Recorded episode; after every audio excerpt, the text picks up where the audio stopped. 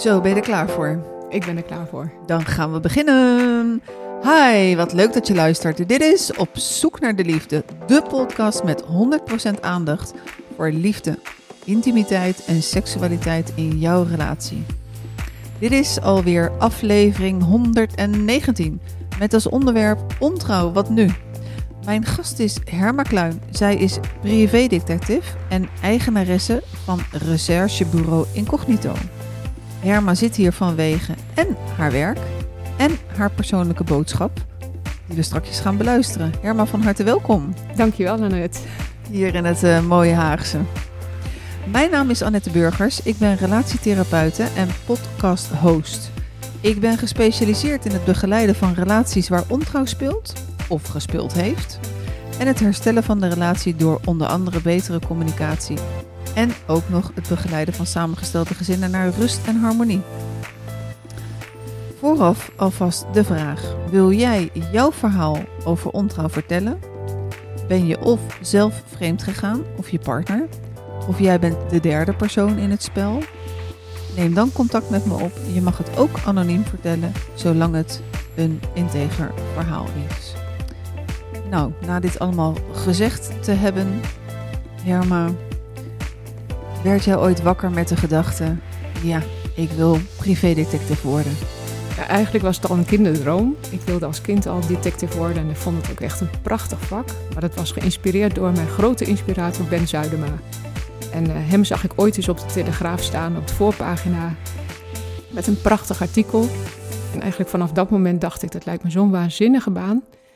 Um, maar je weet hoe dat soort dingen gaan. Je hebt al een baan en je blijft er al snel in. En uh, je verhuist een aantal keren en er zijn andere dingen heel belangrijk. Maar toen ik 50 was, toen dacht ik, ga ik de komende jaren nog hetzelfde vak doen? Of ga ik iets doen waar ik echt blij van word? En dat is toch het roer om en proberen privédetective te worden. Wauw. En weet je nog, je zei hij stond in de Telegraaf. Ik denk dat een gebrek aan mijn opvoeding is, maar mij zegt die naam niks. Dus twee vragen in één. Wat had hij gedaan en wat raakte jou in dat artikel? Uh, in eerste instantie, hij leunde tegen zijn Porsche en ik heb een grote liefde voor een mooie auto. maar hij was ook een hele charismatische man. Ik moet eigenlijk zeggen, hij is een charismatische man. Ik heb hem twee weken geleden nog weer opnieuw ontmoet, want ik bezoek hem regelmatig. Maar um, hij heeft echt een waanzinnige klus geklaard door... Um, er was destijds een, uh, een uh, enorme roof van 144 Picasso's uit het Pauselijk Museum in Avignon. En dat heeft hij door een infiltratie in de bende van Casson, heeft hij dat tot een goed einde weten te brengen.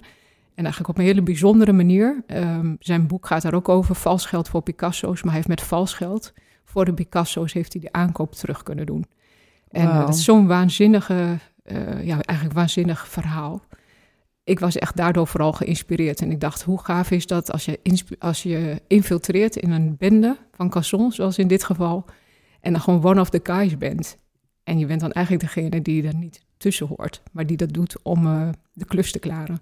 Ik vond dat waanzinnig. Ja, dat, ik vind dat ook. Er is nog geen film van gemaakt. Nou, ik zou je zeggen, ik hoop eigenlijk dat er altijd nog een keer een filmmaker is die daar een film over wil maken. Want ik geloof oprecht dat dat een enorm mooie film zou kunnen worden. Ja, dan moeten we maar even dat, dat krantenartikel nog even sturen naar Paul Verhoeven. Kijk of hij het nog... Uh, of dat, dat, uh, maar ik kan me voorstellen, maar en, en wat sprak je aan? Die Porsche, de spanning of... Wat, wat, wat was het waardoor je op Toch 50... de spanning. De spanning. Ja, ik dacht, ik heb jarenlang een bankbaan uh, gehad en ik heb bij een verzekeraar gewerkt en dat is best wel leuk werk. Ik, ik heb ook altijd met plezier gewerkt. Maar na verloop van jaren denk je, is dit waar ik enthousiast van word? En ik hield vroeger al van spannende dingen. Bij een dropping wilde ik in het donker ook altijd vooraan lopen. Ik uh, haalde altijd streken uit in mijn huis. Door bijvoorbeeld een uh, paspop in een bed te leggen bij mijn zusje. Als we een hele spannende film hadden gekeken. En ja, allemaal van die gekkigheid. Uh, maar ik hield van spannende dingen. Oké, okay, dus jouw voorkeur met, met boeken lezen zijn thrillers en uh, dat soort films zie je in de bioscoop. En ben je, ben, je, dan zelf ook nooit bang buiten? Ik ben nooit bang. Um, mijn man zegt ook altijd, voordat ik naar bed ga, moet je altijd eerst een moord gezien hebben. Maar ik hou echt van spannende films. En inderdaad, nooit angstig. In mijn vak ook nog nooit angst gekend. Terwijl ik toch best wel een paar pittige situaties heb meegemaakt. En ook best wel ernstige bedreigingen. Maar ik, er is bij mij best wel een knopje die makkelijk aan en uit gaat. En, en als die aangaat, dat betekent? Volop in de actie. En als die uitgaat, dan, ben ik in de thuis. ruststand. Ja, dan ben ik thuis. Dan gaat de knop gewoon echt letterlijk uit. Mm, wat knap. En ehm, dus, dus jij, hebt hem benaderd en je zei van eh, ik ben 50 en ik ga het roer omgooien, maar ik ga niet, ik vertrek. Ik ga eh, een opleiding bij je volgen. Was hij een, iemand die opleidingen gaf? Of? Nou, het was eigenlijk grappig, want ehm, wat ga je doen als je dat vak doet en iemand uh, kijkt je enorm tegenop? Uh, ik heb gewoon de telefoon gepakt, zijn nummer opgezocht en gedacht, ik ga hem bellen. En uh, toen heb ik gezegd, uh, hetgeen wat u deed, dat vond ik zo fantastisch werk. Hoe word ik dat? En toen zei hij, nou, kom eerst maar eens bij me praten. Dus ik ben naar zijn kantoor gegaan in Limburg. Ik heb een ontzettend goed gesprek met hem gehad. Maar hij uh, vertelde vooral wat de minder goede kanten waren. Namelijk... Hij wilde je een beetje afschikken of zo? Nou ja, in ieder geval goed waarschuwen. Mm. Um, hij zei, ik ben meerdere keren verhuisd. Um, in totaal geloof ik 19 keer uit mijn hoofd gezegd. In verband um, met het werk, met ja, het risico? In verband met de risico's. Ik heb uh, meerdere huwelijken achter de rug. En het is gewoon best wel heel zwaar werk. Want uh, je collega's misgunnen je ook een heleboel. Maar toch was ik zo gemotiveerd door zijn verhaal. Ik dacht, ik ga het gewoon doen. Dus toen heb ik de opleiding bij hem gevolgd. En uh, best wel in een vrij snelle tijd heb ik de opleiding kunnen doen naast mijn volledige baan. Dat was is dat een, uh, een, een privéopleiding voor privédetective? Jij, misschien is het privé-rechercheur? Hoe heet de opleiding? Rechercheopleiding. Rechercheopleiding. Ja, en die was destijds in Amsterdam. En daar heb ik uh, ook een hele leuke groep mensen leren kennen van allerlei plumage. Soms ex-politiemensen, maar ook mensen die gewoon een kantoorbaan hebben. En ik had een Rabobank-achtergrond en een um, Unive-achtergrond, dus verzekeraars-achtergrond. Maar um, ik was zo gemotiveerd en samen met een studiegenootje, die overigens nu enorm veel werk voor me doet, want wij zijn allebei uh, particulier rechercheur, uh, hebben wij ontzettend leuke studietijd gehad. Heel gemotiveerd om het zo snel mogelijk te behalen. Uh, en hij is ook al zeven jaar lang heel loyaal aan mijn bedrijf. Mm. En uh, waar, waar, bestaat het werk uit? Dus zeg maar het algemene verhaal. Want iedereen denkt bij een privédetective, had ik natuurlijk ook. Uh, en, en, daarom dacht ik ook van, oh interessant, leuk verhalen. Uh, iedereen denkt natuurlijk van, oké, er, er wordt een, een, een, een, partner waarvan het vermoeden bestaat dat hij vreemd gaat, die wordt ingeschakeld. of de privédetective wordt ingeschakeld om die te achtervolgen. Maar hoe, hoe breed is je werk?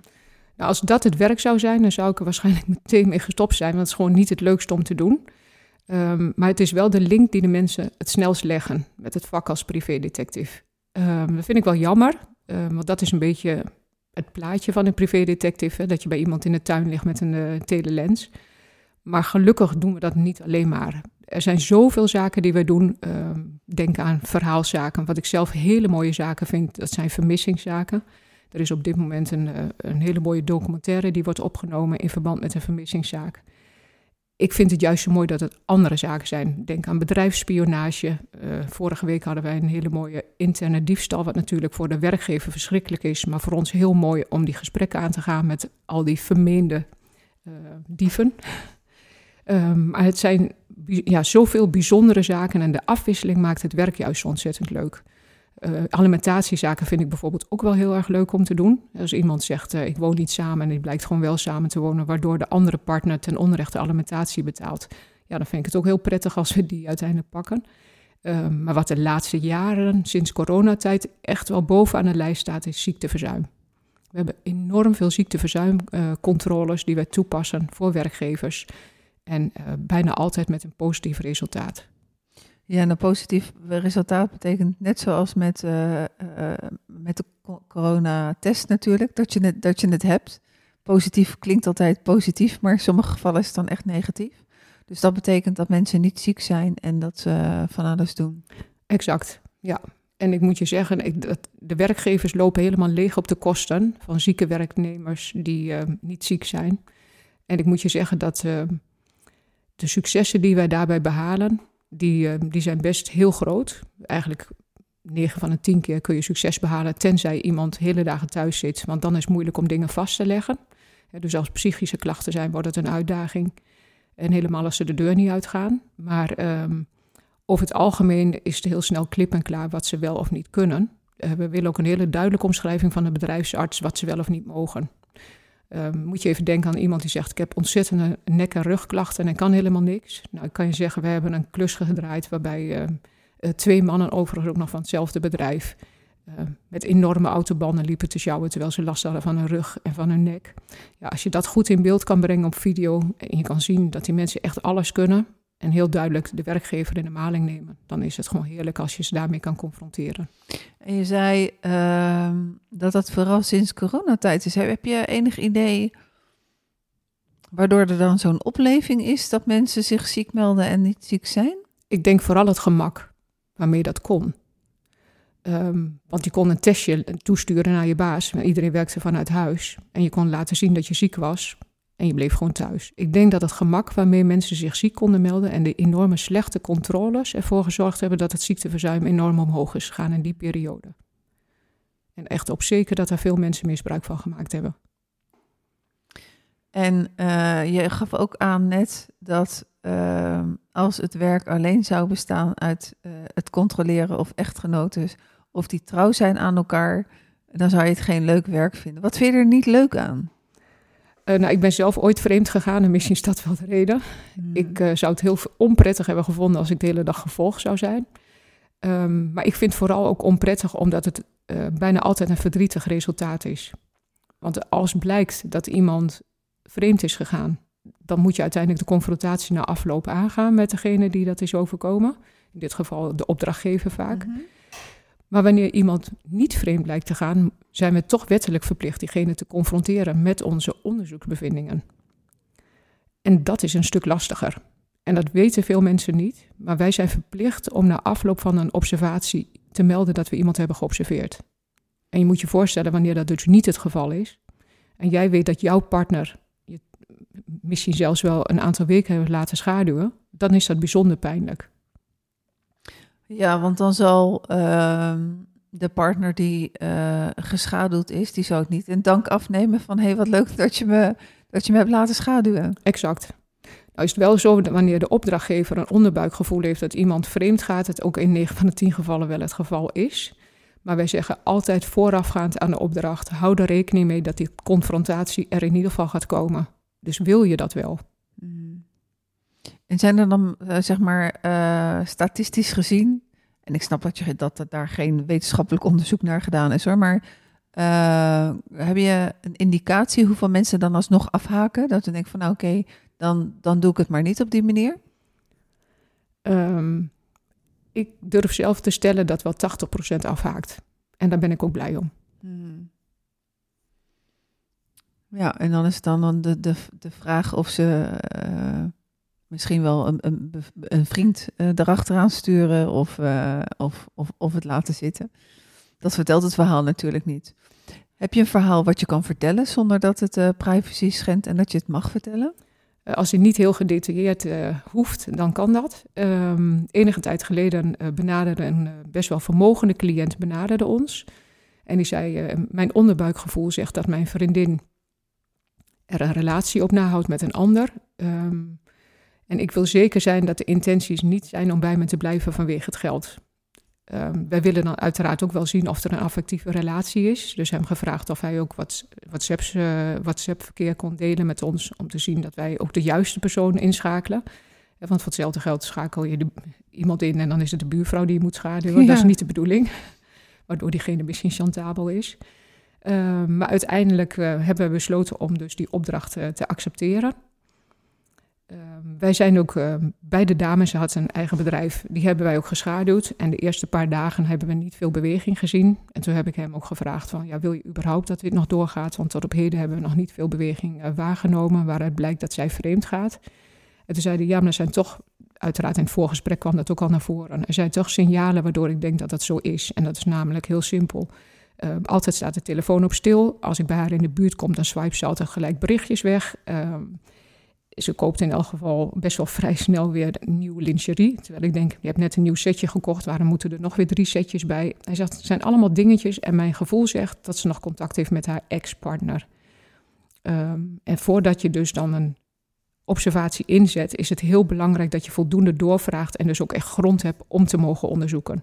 Dus wij noemen dat in ons vak gerechtvaardigd belang.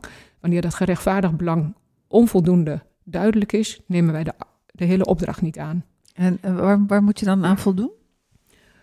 Nou ja, vooral je moet een affectieve relatie met die, diegene hebben. En er moet meer dan uh, alleen maar het vermoeden zijn, er wordt een berichtje weggeswiped. Dus er zijn wel een aantal signalen waardoor je vaak kan merken of iemand wel of niet vreemd gaat. Ehm, dat is uh, in dit geval had hij een e-mailadres ontdekt. Eh, waarvan hij niet wist dat het e-mailadres bestond. Hij had op de computer wel eens hier en daar gezocht en had ze zoekwoorden ingetypt die wat duiden op overspel, namelijk zoeken naar allerlei hotels waar ze elkaar zouden kunnen treffen. Daghotels vast. Ja, precies dat. exact, daghotels. Uh, en hij zei, het voelt gewoon niet goed. Het is gewoon puur ook het onderbuikgevoel. Nou, uiteindelijk na een paar um, uurtjes observeren, want we gaan niet de hele dag voor iemands deur liggen, toen bleek eigenlijk dat er op dat moment niks aan de hand was. Uh, maar ik had hem geadviseerd om dan ook eens in een weekend te doen. Want hij ging zelf een weekendje weg. En ik zei, dat zijn vaak die momenten waarop ze zich onaantastbaar voelen. Ja, als de, hoe is het ook weer? Als de, als kat, de kat van, huis is, dansen de muis op tafel. Precies, dus ik zei, dat zou je eventueel kunnen doen. En in dat weekend hebben we dus inderdaad ook uh, haar geschaduwd. En toen had hij contact van, uh, van tevoren met haar gehad. En ze vertelde dat ze met een vriendinnetje uitging. En hij zei, waar ga je dan naartoe? Ja, zei ze, naar dat en dat restaurant. Um, en wij zijn daar gaan kijken, maar daar troffen we er niet aan. Uh, dus het verhaal klopte al niet, want het restaurant zat ze niet en die vriendin was daar dus ook niet. En toen zeiden wij van ja, wat is dan nog een favoriete restaurant? Zijn er een aantal restaurants waar we zouden kunnen kijken? Wellicht treffen haar daar aan, want het is niet op de plek waar zij heeft gezegd waar ze is. En toen zijn we bij een ander restaurant gaan kijken waarvan hij zegt, ja, daar is ze echt groot fan van, maar dat is haar veel te duur, dus daar komt ze liever niet. Maar dat is misschien juist wel een moment waar ze met haar geliefde wel naartoe gaat. Um, twee van de regisseurs, um, die zijn er naartoe gegaan en in de data zat ze. Met haar ex. En um, zij zijn naar binnen gegaan, hebben gewoon een maaltijd besteld. en op een gegeven moment zien we haar zoenen. maar dan liet niets liet te wensen over. Het was een uitgebreide tongzoen. Dus ja, dat is gefilmd. En uiteindelijk hebben we daar dus ook uh, de opdrachtgever mee geconfronteerd, wat natuurlijk bijzonder pijnlijk is. Ja, je wil dan ook eigenlijk geen gelijk hebben. Nee, exact. Het is altijd een verdrietig moment. En een van de regisseurs had de eh, video al toegestuurd naar hem. En uh, ik moet zeggen, ik ben dan uiteindelijk altijd uh, leading, omdat het natuurlijk mijn recherchebureau is. Ook al werken zij dan ook voor mijn bedrijf. En toen moest ik alweer lachen. Toen zei ik, ja, dit is nou echt weer een mannenreactie. Die denkt er niet over na. Die stuurt het gelijk naar de opdrachtgever. In dit geval mocht dat ook hoor. Um, maar ik had daar even mee gewacht, weet je. Zoiets moet je even een beetje inluiden. Dus ik heb hem direct daarna gebeld. Ik zei, ja, sorry, je hebt de video al ontvangen, wat niet de bedoeling is. En ik had gewoon liever even van tevoren jou willen informeren. Uh, toen zei hij, nou, ik vind het goed. Hij zegt, weet je, mijn onderbuikgevoel klopt. En uh, ik ben gewoon heel blij dat dit eruit komt. Maar ja, dan komt dat confrontatiemoment natuurlijk, die je wel moet inplannen.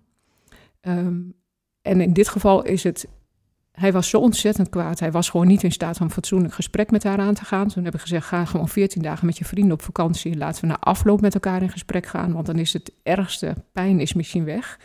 Misschien ook niet. Maar je hoopt dan in ieder geval dat de ergste emotie eraf is. En toen hij terugkwam van vakantie, toen hebben we dat uh, confrontatiemoment ingepland. En haar dus geconfronteerd ook met de beelden. En dat heeft eigenlijk wel heel goed uitgepakt.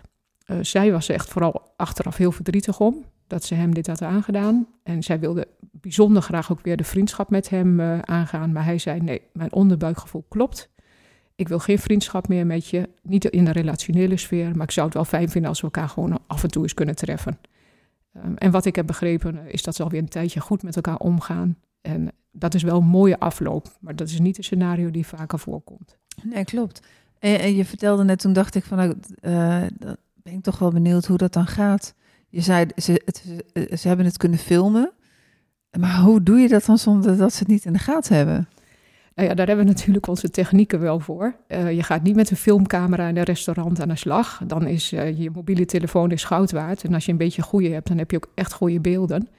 Uh, ja, dat train je natuurlijk ook op. Dat je mhm. je telefoon aan je oor houdt en dat je gewoon wel een goede opname kan doen uh, ja, dan is, zeg ik altijd, dan is je professionaliteit die toch op het juiste moment een film kan maken. Ja, dat maakt dan ook een geslaagde actie. Hmm, en, en dat, dat, dat stukje zit dan ook in de opleiding. Van uh, hoe hou je je telefoon aan je oor alsof je doet dat je een gesprek hebt en dat je dan uh, ergens op die andere plek kan filmen? Nee, het is niet een, uh, een stuk van de opleiding, want die is echt veel uitgebreider, maar niet zeg maar dit soort details, want dat leer je toch echt wel in de praktijk. En dat moet je ook gewoon van tevoren wel met elkaar oefenen voordat je dat in de praktijk kan brengen. -hmm. En je zei net ook, Herma, uh, een, je gaf een aantal voorbeelden, zoals uh, Deze meneer zei van als ik binnenkwam, dan swipte ze op de telefoon weg. Wat zijn nou, uh, ja, moet ik het formuleren, wat, wat zijn nou de meest voorkomende dingen die mensen doen die vreemd gaan? Nou, ik zeg altijd, als ze een hele kast vol leggen met nieuwe lingerie, dan, uh, nou, dan zou je maar eens goed na moeten denken of er iets aan de hand is. Zeker als ze twintig jaar lang een hele lelijke onderbroek hebben rondgelopen. Um, maar wat vooral wel kenmerkend is, is dat men op andere uh, plekken op de telefoon contact zoeken met, uh, met hun relatie, nieuwe relatie. En dat is simpelweg, um, ze installeren andere apps, waardoor vaak denken vrouwen van dan moet ik kijken in zijn WhatsApp. Nou ja, er zijn natuurlijk talloze andere apps waar je contact met elkaar zoeken, kan zoeken. Ja, en dan, dan zijn dat ook nog apps die uh, ergens op een bepaalde manier geheim kunnen blijven. Ja, ja. En dat is waarom er best wel heel veel vreemd gegaan wordt. En dat de man gewoon zegt, nou ja, je mag gerust in mijn telefoon kijken. Maar dat is echt geen garantie dat ze niks hebben. Mm -hmm. uh, er zijn gewoon apps die je kunt installeren, die je eraf kan halen. Uh, waardoor je signalen naar elkaar kan uitzenden zonder dat de ander het weet. Maar ook steeds vaker op TikTok, steeds vaker op Instagram um, komen er allerlei contacten tot stand waar de ander geen weet van heeft. -hmm. Oké, okay, dus we hebben lingerie, het uh, gebruik op de, de, van de apps op de telefoon. Zijn er verder nog dingen? Nou ja, in de computer kijken op de zoektermen, waar wordt er op gezocht, is wel een, uh, een belangrijke, denk ik. Um, ja, er zijn eigenlijk zoveel signalen. Um, het is heel vaak, uh, het zijn vaak vriend, vrienden of vriendinnen die je indekken als je vreemd gaat. Uh, maar als je ja, voor een alibi. Ja, voor een alibi. Dus ja, ik zeg altijd, als je het echt zeker wil weten, moet je het controleren. Um, maar beter is het om het niet te hoeven doen. Mm-hmm. Beter is als je gewoon vertrouwen in elkaar hebt of elkaar de vrijheid kan gunnen om vreemd te gaan.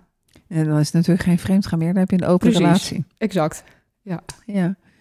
En uh, ja, dat ben ik helemaal met je eens. Hè? Dat, uh, dat je goed moet bepraten met elkaar van wat voor soort van relatie willen we hebben. Uh, wat, wat is onze exclusiviteit? Wat is onze heilige ruimte? Uh, maar het gebeurt natuurlijk ongelooflijk veel. Uh, als we die mensen uh, de kost moeten geven, dan. En tegelijkertijd het gebeurt. En dat is een gegeven. Het gebeurt al zolang er mensen zijn, denk ik. Nou, misschien iets, iets, iets korter. En, en toch wordt het elke keer heel groot veroordeeld. Ja, dat vind ik ook wel verschrikkelijk eigenlijk. Um, en dan praat ik even uit eigen ervaring vooral. Um, de eerste keer dat ik vreemd ging in mijn eerste relatie, dat was echt vooral omdat we elkaar kwijtraakten. Wij zijn met elkaar 16 keer verhuisd. En ik zei bij de 17e verhuizing: als we opnieuw verhuizen, dan ben ik er gewoon echt klaar mee. Um, maar we waren een soort van broer en zus. Respect voor elkaar, maar niet veel verbinding meer met elkaar. En op het moment dat je dan iemand tegenkomt waar je die verbinding wel mee krijgt, of de aandacht die je daarmee krijgt, dan is het vrij makkelijk om die overstap te maken. En toen ik mijn huidige man leerde kennen, dat was in die relatie, toen ik mijn huidige man leerde kennen, toen heb ik wel bij mijn huidige man in eerste instantie gezegd, ik weet voor mezelf dat ik het best lastig vind als er geen verbinding meer is om trouw te blijven.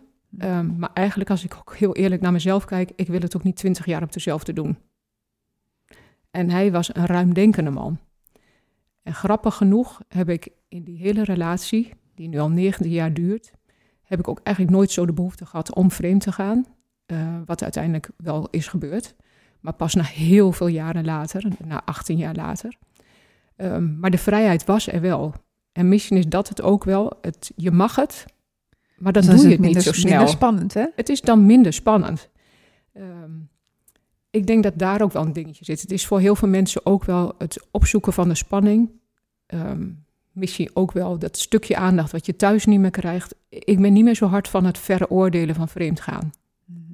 En, en zeker natuurlijk voor jou, want je, je, zoekt dan naar, naar spanning. Ja, daarom ben je dit werk ook gaan doen. Dus dan, uh, uh, als je thuis die spanning dan niet hebt, was het heel erg. Um, ja, waar, wat gewoon ook heel normaal is, dat er na zoveel jaar wel wat sleur in komt. Maar ik kan me heel goed voorstellen dat, als je zegt van nou, uh, ruimdenkend, uh, uh, we geven elkaar vrijheid, dat dan die spanning er een beetje af is. Maar wat betekende dat voor hem? had hij wel ook andere relaties erbij? Nee, helemaal niet. En ik ook helemaal niet. Ehm, we zijn daar altijd heel open en heel eerlijk over naar elkaar geweest. En dat was denk ik ook wel waarom het het verdrietigst was dat het toen ik vreemd ging uh, niet met elkaar gedeeld kon worden. Daar was hij ook het meest teleurgesteld over, wat ik ook heel goed kan begrijpen. Maar de situatie was er niet na op dat moment om het te vertellen. En dat had eigenlijk vooral te maken met een stukje veiligheid wat ik kwijt was. Uh, ik heb altijd op eigen benen gestaan, altijd mijn eigen uh, huis gehad. Ook altijd zelf mijn eigen geld verdiend. En in de periode waarin ik uiteindelijk iemand anders leerde kennen, um, hadden we ontzettend veel ruzies. we gingen het ging eigenlijk alle kanten op. Onze relatie was helemaal niet meer stabiel. En dat was eigenlijk vooral door een vervelende financiële situatie waarin hij terecht was gekomen. Maar dat had al zo lang geduurd. We hadden al bijna, ik geloof, 16 jaar rechtszaak achter de rug. Dus hij was alleen maar bezig met shit dingen. En ik wilde ook gewoon iets leuks hebben, gewoon leuke dingen met elkaar. Maar hij ging alleen maar harder werken, uh, waardoor het, hij, gaf, hij gaf mij het gevoel dat als hij harder zou werken, dan zouden we weer een leuk leven krijgen. Maar juist doordat hij zo hard werkte, um, hadden we bijna geen contact meer met elkaar. Totdat ik een keer naar een event ging en daar trof ik iemand anders. En uh, ja, dat was eigenlijk meteen uh, leuk met elkaar. Uh, maar daardoor ook wel gewoon achteraf niet de bedoeling, maar is wel uit de hand gelopen. En was je verliefd? Mm, ja. En ehm, is jouw partner erachter gekomen of heb je hem uiteindelijk zelf verteld? Of heeft hij een, een andere privédetective achter je aangestuurd? Uh, nee, het was nog broeder. Uh, de andere man in kwestie had ook een relatie en die viel met de telefoon in slaap. En zijn vrouw vond de telefoon met alle teksten erop. Oeh. En toen, stond, uh, toen werd je wakker en toen stond, toen stond die dame voor je deur. Uh, nou, dat niet. Maar um, nou, de dreigementen waren wel door de telefoon binnengekomen. Wat ik me overigens heel goed kan voorstellen. En ik was er ook helemaal niet blij mee. Met de hele situatie was ik niet blij. Um, uiteindelijk met, natuurlijk mijn partner verteld. En gelukkig heeft hij daar goed op gereageerd. Uiteindelijk hebben we ook nog steeds een relatie. Hij heeft er goed op gereageerd, omdat hij uh, zei: ik heb, uh, Jij hebt meerdere keren aangegeven, het gaat niet goed tussen ons. Hij zei, en ik ging er alleen maar harder door werken, dus ik heb het signaal ook gewoon niet opgepakt. Maar had het gewoon eerlijk gezegd. En toen heb ik hem ook verteld: Ik heb elke dag op het punt gestaan om het je eerlijk te vertellen, maar ik was zo bang dat jij, um, het, dat jij zou zeggen van eruit. Mm-hmm. Dan had ik zelfs geen dak meer boven mijn hoofd gehad. Ja, die angst, hè? die angst belemmert uh, heel ja. veel mensen om het, uh, om het te zeggen. Dat is dan ofwel uh, de angst voor de afwijzing, zoals jij net vertelde, ofwel de angst om je partner te kwetsen, ofwel angst voor de gevolgen. Er, er is altijd gigantisch veel angst wat belemmert om eerlijk te zijn. En ehm, het had natuurlijk ook zo kunnen zijn dat jij en die andere meneer waarvan de vrouw uh, het, het, mobiel uh, controleerde, uh, dat jullie voor elkaar zouden hebben gekozen. Dat had ook gekund. Dat ja. had ook, maar hebben jullie bijvoorbeeld, heb je tijd gekregen en ruimte gekregen om afscheid te nemen van elkaar? Helemaal niet.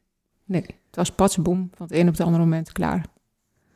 Ja, en, en, en dat, dat is ehm, ja, vaak waar mensen waar je aan de voorkant niet over nadenkt, hoe dan zo'n relatie uh, ineens heel abrupt kan aflopen.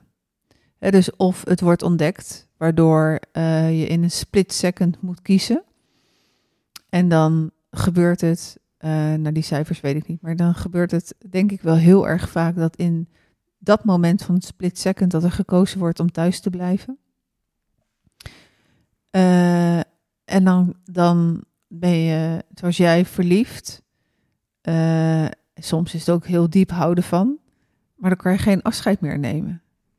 Dus ja. hoe, hoe, hoe ga je dan om met het verlies en de rouw die daaruit voortvloeit? Kan je dat nog herinneren? Hoe heb jij dat gedaan? Hoe heb je het een plekje kunnen geven? Uh, ik denk dat het, dat, was, uh, dat was toen geen keuze. want ik had maar één ding en hoe ga ik het thuis weer optuigen? Uh, want diep in mijn hart wilde ik het met mijn partner het liefst gewoon goed hebben. Um, dus zoals ik al zei, in mijn werk kan ik dat heel goed. Knopje aan, knopje uit. Ja. Heb ik dat hier ook eigenlijk wel moeten doen. Um, en dat, dat is wel lastig, want het, net wat je zegt, het is wel een soort van rouwproces waar je doorheen moet. Maar aan de andere kant ben je ook kei en keihard aan het vechten om je eigen relatie weer overeind te houden. En ik denk misschien juist wel omdat je dat allebei hebt, kun je niet zo erg toegeven aan het rouwproces.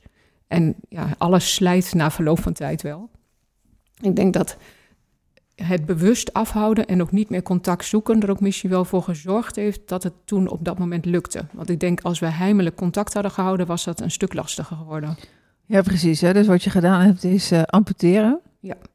ja. Dus als je iemand niet kent via je werk dan, en uh, je hebt geen kinderen samen, dan uh, kan je tussen aanhalingstekens heel makkelijk amputeren. Gewoon helemaal uit je leven is ook uh, op zich de beste manier om het, uh, om het, om het om door te gaan met je leven, om niet in het, in het grote um, terecht te komen van liefdesverdriet. Uh, maar het valt niet mee. Ik, ik merk namelijk in mijn praktijk dat als een van de twee is vreemd gegaan, dan vraag ik altijd hoe heb je het, hoe heb je het afgesloten? Heb je het een plekje kunnen geven? En is daar ruimte voor geweest?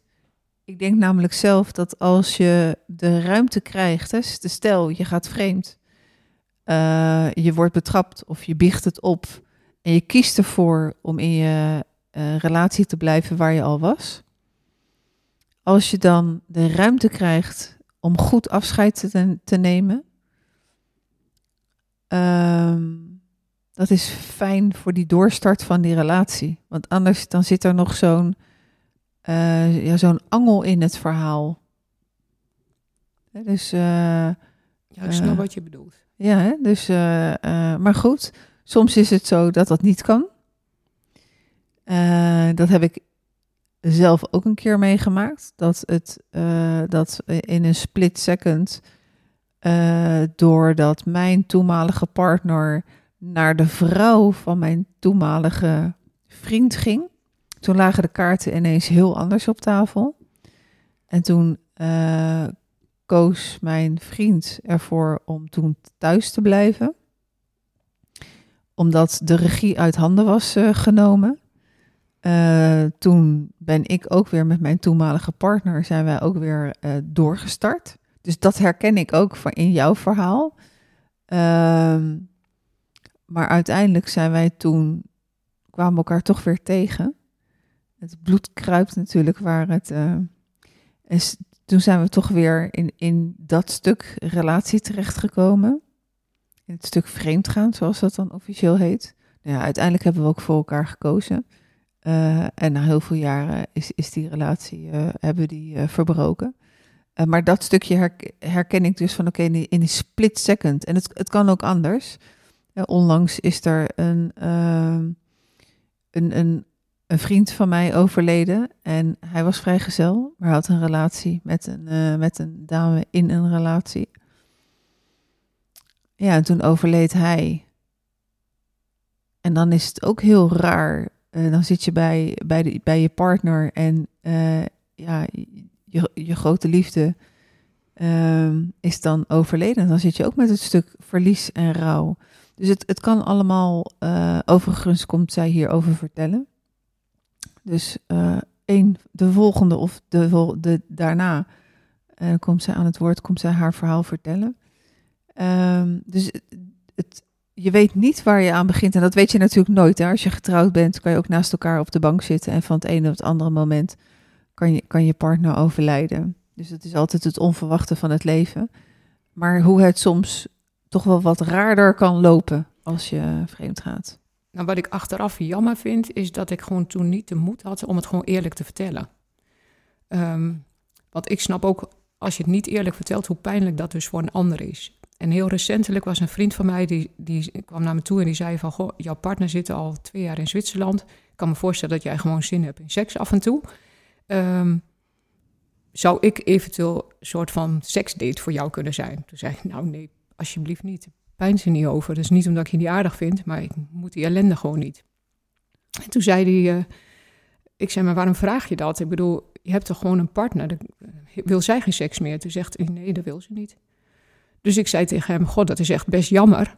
Maar heb je dan aan haar voorgesteld of jij er iets bij kan krijgen? Is dat bespreekbaar? Toen zegt hij, nou nee, dat is helemaal niet bespreekbaar. Ik zeg, oké, nou dat is eigenlijk heel jammer. Want als het wel bespreekbaar is, maakt het een stuk makkelijker. Jazeker. Ik zeg maar, waarom denk je dat het niet bespreekbaar is? Want zij heeft echt duidelijk bij jou aangegeven, zeg je, ik wil nooit meer seks. Maar zij kan toch niet verwachten dat jij het komende jaar dat ding in de boom hangt en er maar niks meer mee doet. Toen zei hij, nee, dat klopt, maar ja, dat verwacht ze wel van mij. Ik zeg, nou, dat is maar de vraag. Misschien is ze wel opgelucht dat jij ergens anders iets zoekt. Eh, ik zou het gewoon toch met haar afstemmen, als ik eerlijk ben. Of ga gewoon op zo'n site waar je dan iemand treft en waar je seks kan hebben. Toen is hij toch naar huis gegaan en toen heeft hij erover nagedacht. En uiteindelijk besloot hij toch uh, het erop te wagen. Want eigenlijk had hij ook zoiets van: ik kan ook geen relatie met haar verder hebben als zij nooit meer seks wil. Dus dat wordt ook kansloos. Dus ik zei: wat heb je dan ook te verliezen? Dus hij heeft het uh, s'avonds op tafel gelegd. Hij heeft tegen zijn vrouw gezegd: van, Goh, ik wil dolgraag bij je blijven. Want uh, ik mag je graag, alles aan jou vind ik leuk. Maar je hebt heel duidelijk uitgesproken dat je geen seks meer wil. Maar dat kan je echt niet van mij verlangen. Dus ik heb een verzoekje. Verzoekje? Zou jij ermee kunnen dealen als ik een relatie heb via bijvoorbeeld uh, Second Love of iets dergelijks? En toen zei zij best wel vrij snel: dat, daar hoef ik eigenlijk niet eens over na te denken. Ik zou daarmee kunnen dealen. Als wij gewoon oud kunnen worden samen, dan valt er ook een last van mij af. En hij heeft echt nu het leukste leven, zegt hij, wat hij uh, maar kan bedenken. Want zij is op de hoogte dat hij af en toe een andere dame treft. Haar voorwaarde was dat het niet iemand is uit haar directe omgeving en iemand die ze niet kent. Uh, en hij heeft regelmatig een afspraak met een dame die ook niet in Nederland woont, maar net over de grens. Hij heeft het hartstikke leuk met haar en hij zegt: Als ik dan terugrijd, dan heb ik zo'n voldaan gevoel. Ook omdat ik vind dat mijn vrouw zo'n groot hart heeft en mij dit gunt. Hij zegt: De liefde naar haar is daardoor alleen maar gegroeid. Kan me van alles bij voorstellen. En tegelijkertijd uh, weet ik. Ik weet niet uh, of daar een reden voor is, maar ik weet dat heel veel mannen hetzelfde overkomt. Dat die in een strukkel zitten. Ik ga 30 jaar huwelijk niet zomaar, of 40 jaar huwelijk, of ik, ga, ik wil dat niet overboord gooien. We hebben een verleden, we hebben kinderen, we hebben kleinkinderen. En, uh, maar ze wil geen seks meer. Uh, hoe gaan we dat doen? Hoe ga ik dat gesprek beginnen? Ik heb, moet je ze heel eerlijk zeggen, als er dames zijn die, die hetzelfde probleem komen, tegenkomen, dan hoor ik dat heel erg graag. Kom alsjeblieft je verhaal vertellen. Want ik ken alleen maar mannen die, uh, die dit vertellen. Van ja, mijn vrouw wil geen seks meer. Ik wel. En die struggelen met, en hoe ga ik dit oplossen? Hoe ga ik dit doen? Want ik vind het ook niet leuk om de rest van mijn leven me alleen maar af te trekken. Ik, ik zoek een stuk intimiteit die ik thuis niet meer krijg. Maar vrouwen ken ik nog niet. Ken jij, ken jij die vrouwen? Uh, ik ken de één. Eén? Die zal ik op je afsturen. ja, oké, okay, heel graag. Nee, en uh, wat ik nog toen straks had te bedenken. Kijk, uh, jouw partner, die was in het begin heel ruimdenkend. Is dat ruimdenkende veranderd nadat, nadat je vreemd bent gegaan? Absoluut. Ja? Ja. Hij zou het nooit meer een tweede keer accepteren. Beslist niet. Ik denk dat is vooral ook omdat het vertrouwen beschadigd is. Um, dat heeft hij ook altijd gezegd. Had het maar gewoon gezegd, dan was het ook nog wel oké okay geweest. Maar het feit dat het heimelijk gebeurde, dat vind ik niet oké. Okay. En ik maakte voortdurend de afweging: ga ik het hem eerlijk vertellen of ga ik het niet eerlijk vertellen? Omdat ik heel bang was voor de consequentie. Mm-hmm. Het was niet mijn doel om bij hem weg te gaan. Ik wilde heel graag die verbinding. En die voelde ik al heel lang niet. Die had ik ook heel lang en heel vaak al uitgesproken. Uh, dus je kan elkaar achteraf dingen verwijten. Um, het is jammer dat het dan zo gaat, want het beschadigt altijd aan beide kanten. Precies. En uh, daarna uh, heeft het wel, wat ik soms merk ook in mijn praktijk, is dat, um, een beetje een, een uitspraak van mij, dat het een uh, foeilelijke verpakking is, maar een heel mooi cadeau. En dat betekent dat als dan een van de twee vreemd is gegaan, nadat het al een tijdje geen goede relatie was, dat het wel ineens weer uh, ja, tot een hele mooie verdiepende uh, fase kan brengen in hun relatie. Is toen jullie eigen, is toen jouw relatie ook verbeterd in die periode? Um, ik wou dat ik volmondig ja kon zeggen. Dat was zeer zeker in het begin het geval. Um, maar die tijd is best kort geweest, omdat hij daarna voor twee jaar naar Zwitserland vertrok. En een afstandsrelatie zorgt ook weer echt letterlijk voor afstand. Ja. Um, dus ik zal niet zeggen dat het, het is uh, prima. Maar de verbinding hebben wij nauwelijks kunnen zoeken, omdat hij door omstandigheden naar het buitenland moest verhuizen. En daar dus ook veelvuldig moest zijn, waardoor je ook weer heel veel afstand hebt. En best veel mensen die zeggen ook, heeft hij daar niet iemand anders? Ehm, ik vertrouw erop dat het niet zo is. Maar als het wel zo is, zou ik het ook niet hard veroordelen. Hmm. Ja, ik zeg zelf ook altijd van, ik heb nu een uh, bewuste keuze gemaakt over een monogame relatie. En um, daar, daar, sta ik ook voor. Het is gewoon een, een hele andere fase nu in mijn leven. Uh, maar ik zeg altijd van ja, en als mijn partner uh, met het verhaal komt, ik ben vreemd gegaan, dan hoop ik dat ik de ballen heb om uh, na de eerste schok, want je weet natuurlijk nooit hoe ik daarop zou reageren, maar dan hoop ik wel dat ik de ballen heb na de eerste schok om het gesprek aan te gaan. Er zit altijd een verhaal achter. Precies, zo zit ik er ook in. Ik zou het niet meer hard veroordelen als hij dat zou doen. Zou ik, dat, ik zou er wel begrip voor kunnen hebben. En ik hoop ook dat hij dat het voor hem ook veilig voelt om dat te vertellen als hem het overkomt. Want ik weet hoe ik ermee gestrukkeld heb om het te moeten vertellen en te willen vertellen. En gewoon niet vrij erin voelde om het toch met hem te delen. Mm-hmm. Wat, wat, wat heeft uh, wat heb je er allemaal uh, uiteindelijk van geleerd? Van uh, dat, hoe dit jou overkomen is en hoe je het beleefd hebt en alle fases in, in de relatie? Nou, in het begin ben je best wel geneigd om te denken, hij heeft de verbinding niet gezocht. Maar ik denk dat vooral een hele schone taak ook bij jezelf ligt. Hoe ver laat je dingen komen? ik heb voor mezelf gemerkt dat ik veel te tolerant ben, dingen veel te lang toestaat, zodat het me echt mijn neus uitkomt en dan pas ingrijp. En ik denk als je veel eerder het gesprek met elkaar aangaat over wat er echt speelt, en dat is namelijk de verbinding raak je kwijt met elkaar, dat je dan eigenlijk het gesprek aan moet gaan voordat je überhaupt kijkt naar een ander, voordat je open staat voor de avances van een ander. Het stadium waarin je, uh, zeg maar het stadium waarop dat gebeurt, is volgens mij te laat voor een gesprek. Mhm. Ja, dan heb je net de boot gemist ja, zo voelt het voor mij althans. Ja, eh, mijn metafoor is meestal van. Uh, stel dat je samen het leven inloopt en, en je loopt in een bos. En uh, een van de twee ontmoet iemand en je slaat een zijpad in. Wat je dan eigenlijk alleen doet. Dus jouw beslissing geweest. Dan laat je je partner in dat andere pad staan. Als het dan uitkomt, dan heb je echt terug te gaan naar, naar, dat, naar, naar je partner toe, naar die, terug naar die afslag waar je elkaar kwijt bent geraakt. En dan van daaruit heb je, als je dat wil samen, want dat is soms nog wel eens keihard werken, soms is het ook iets minder hard werken. Gelukkig ook mensen die weer helemaal verliefd op elkaar raken. Uh, maar dan kan je daarna samen een nieuw pad kiezen. Dus als je eentje die afslag neemt, dan heb je altijd weer terug te komen. En dat is hard werken. Wat niet wil zeggen dat het dat je daarin alleen verantwoordelijk bent. Uh, want een relatie heb je met z'n tweeën. dus wat was er niet, wat liep er niet goed in de relatie? Net zoals jij zegt van nou, ik heb gewoon dat echt al uh, heel veel keer gezegd. We, we zijn de verbinding kwijt. Uh, maar je hebt wel de verantwoording te nemen dat je, uh, dat je die afslag genomen hebt. En daar heb je iets, iets, iets in te doen. Absoluut. Ja.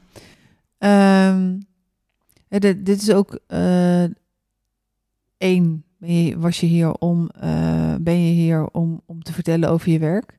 En twee, vind je het ook gewoon heel belangrijk om je persoonlijke verhaal te vertellen? Ja, en dat is vooral omdat ik, um, ik wil het taboe ook wel een beetje doorbreken rondom vreemd gaan.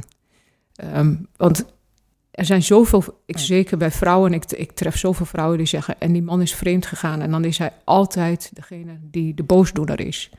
En dan wordt er echt geen enkel, hebben ze er geen goed woord voor over. Um, en eigenlijk wil ik zo kortzichtig niet meer zijn.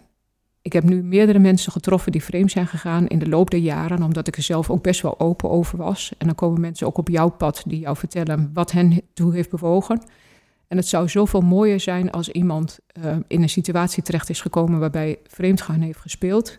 Dat er ook vrienden of mensen om me heen zijn die zeggen van... goh, maar wat heeft jou ertoe bewogen waardoor je dat hebt gedaan zonder een hard oordeel? Hmm. En dan heb je soms, ja, dan heb je eigenlijk altijd diepgaande gesprekken... maar ook is het antwoord vaak heel verrassend. En dan merk je ook dat er dan ook wat zachtheid in komt en mensen wat minder hard oordelen. Ja, ik heb uh, een. Uh, het is heel herkenbaar wat je zegt.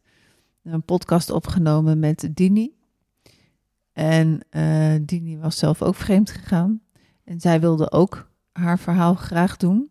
En zei van ja, als ik nu zou horen van iemand dat hij vreemd gegaan is, dan zou ik erop afstappen. En dan zou ik zeggen: Ik ben jouw luisterend oor. Even vertel, waar kan ik je mee helpen?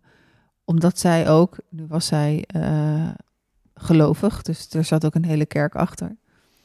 Uh, maar vooral ook omdat zij het zelf ervaren had hoe groot de oordelen van mensen kunnen zijn en, en hoe heftig dat op je af kan komen. Ik uh, heb die podcast beluisterd en was voor mij heel herkenbaar ook. Um, eigenlijk heel simpel, omdat ik uit een heel streng christelijk nest kom. En dan meteen dat enorme schuldgevoel bovenkomt op het moment dat je vreemd bent gegaan. Uh, want dan speelt dat altijd weer op. Dus Mhm. ik heb inderdaad die podcast beluisterd en ik vond het heel herkenbaar. Ja, hè, het, het- wat er dan uh, schuld, schaamte. Uh, en, en dan moet je daar dat uh, proces in. Ja, het, het mooie van het verhaal is dat ze nu uh, um, ja, samen echt aan de weg aan het timmeren zijn. En ik heb goede hoop dat dat, dat, dat de goede kant uitgaat. Dus dat is voor, voor hen wel heel erg fijn. Um, Herman, we gaan zo'n beetje naar de afronding toe. Zijn er vragen die ik je nog niet gesteld heb, maar waar je wel een antwoord op wil geven? Um, nou, zelf kan ik me niet zo eentje 1, 2, 3 te binnen schieten. Um, of hij schiet me niet 1, 2, 3 iets te binnen. Maar um, ik denk de vraag, zou je het ooit weer doen? ik zou, mooie vraag. Herma, zou je ooit weer vreemd gaan? Ik denk als je een eerlijk antwoord geeft, dat niemand daar een eerlijk antwoord op kan geven en roepen, dat zou ik nooit meer doen. Ik hoop alleen nooit meer dat het uh, zoveel ellende teweeg zou brengen en dat ik iemand zoveel pijn zou doen.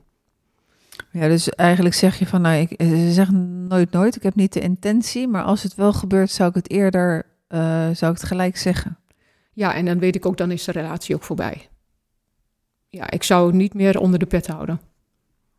En nee. ik, laat ik zo zeggen, ik, uh, missie is dat nog handiger om te zeggen, ik zou het niet meer zo ver laten komen. Ik heb wel geleerd van de andere keren dat je veel eerder het gesprek met elkaar aangaat als je elkaar kwijtraakt. Ja, precies. Hè? Dus aan de voorkant uh, zou je eerder proberen om je relatie uh, te redden, uh, te redden en, en ja, te verbeteren. Of te beëindigen. -hmm. ja. Nou, dat is een, een mooi einde van deze, van deze aflevering, denk ik. Herma, dankjewel. Ja, ik bedankt voor de uitnodiging. Heel veel succes als privédetective. En ook ja, toch heel veel succes ook in de liefde. Dank je. Dankjewel voor het luisteren. Dankjewel voor uh, je verhaal, Herman. Herma. Dat ga ik eruit knippen. Dankjewel voor je verhaal, Herma. Dankjewel jij thuis voor het luisteren. Over twee weken weer een nieuwe pod podcast. Luister jij trouwens al naar Radio YouTube Vlamt. Eens in de twee weken live on-air te beluisteren via www.vlammagazine.nl slash radio. En donderdagavond 19 januari om 8 uur live met Hester Scheer. En dan gaat het over liefdesverdriet. En wie kent dat niet? Ik heb ook wel diverse malen in mijn leven liefdesverdriet gehad. Daar gaan we het over hebben. Dus ik hoop dat je er dan ook bent. En voor nu, dankjewel voor het luisteren en tot ziens.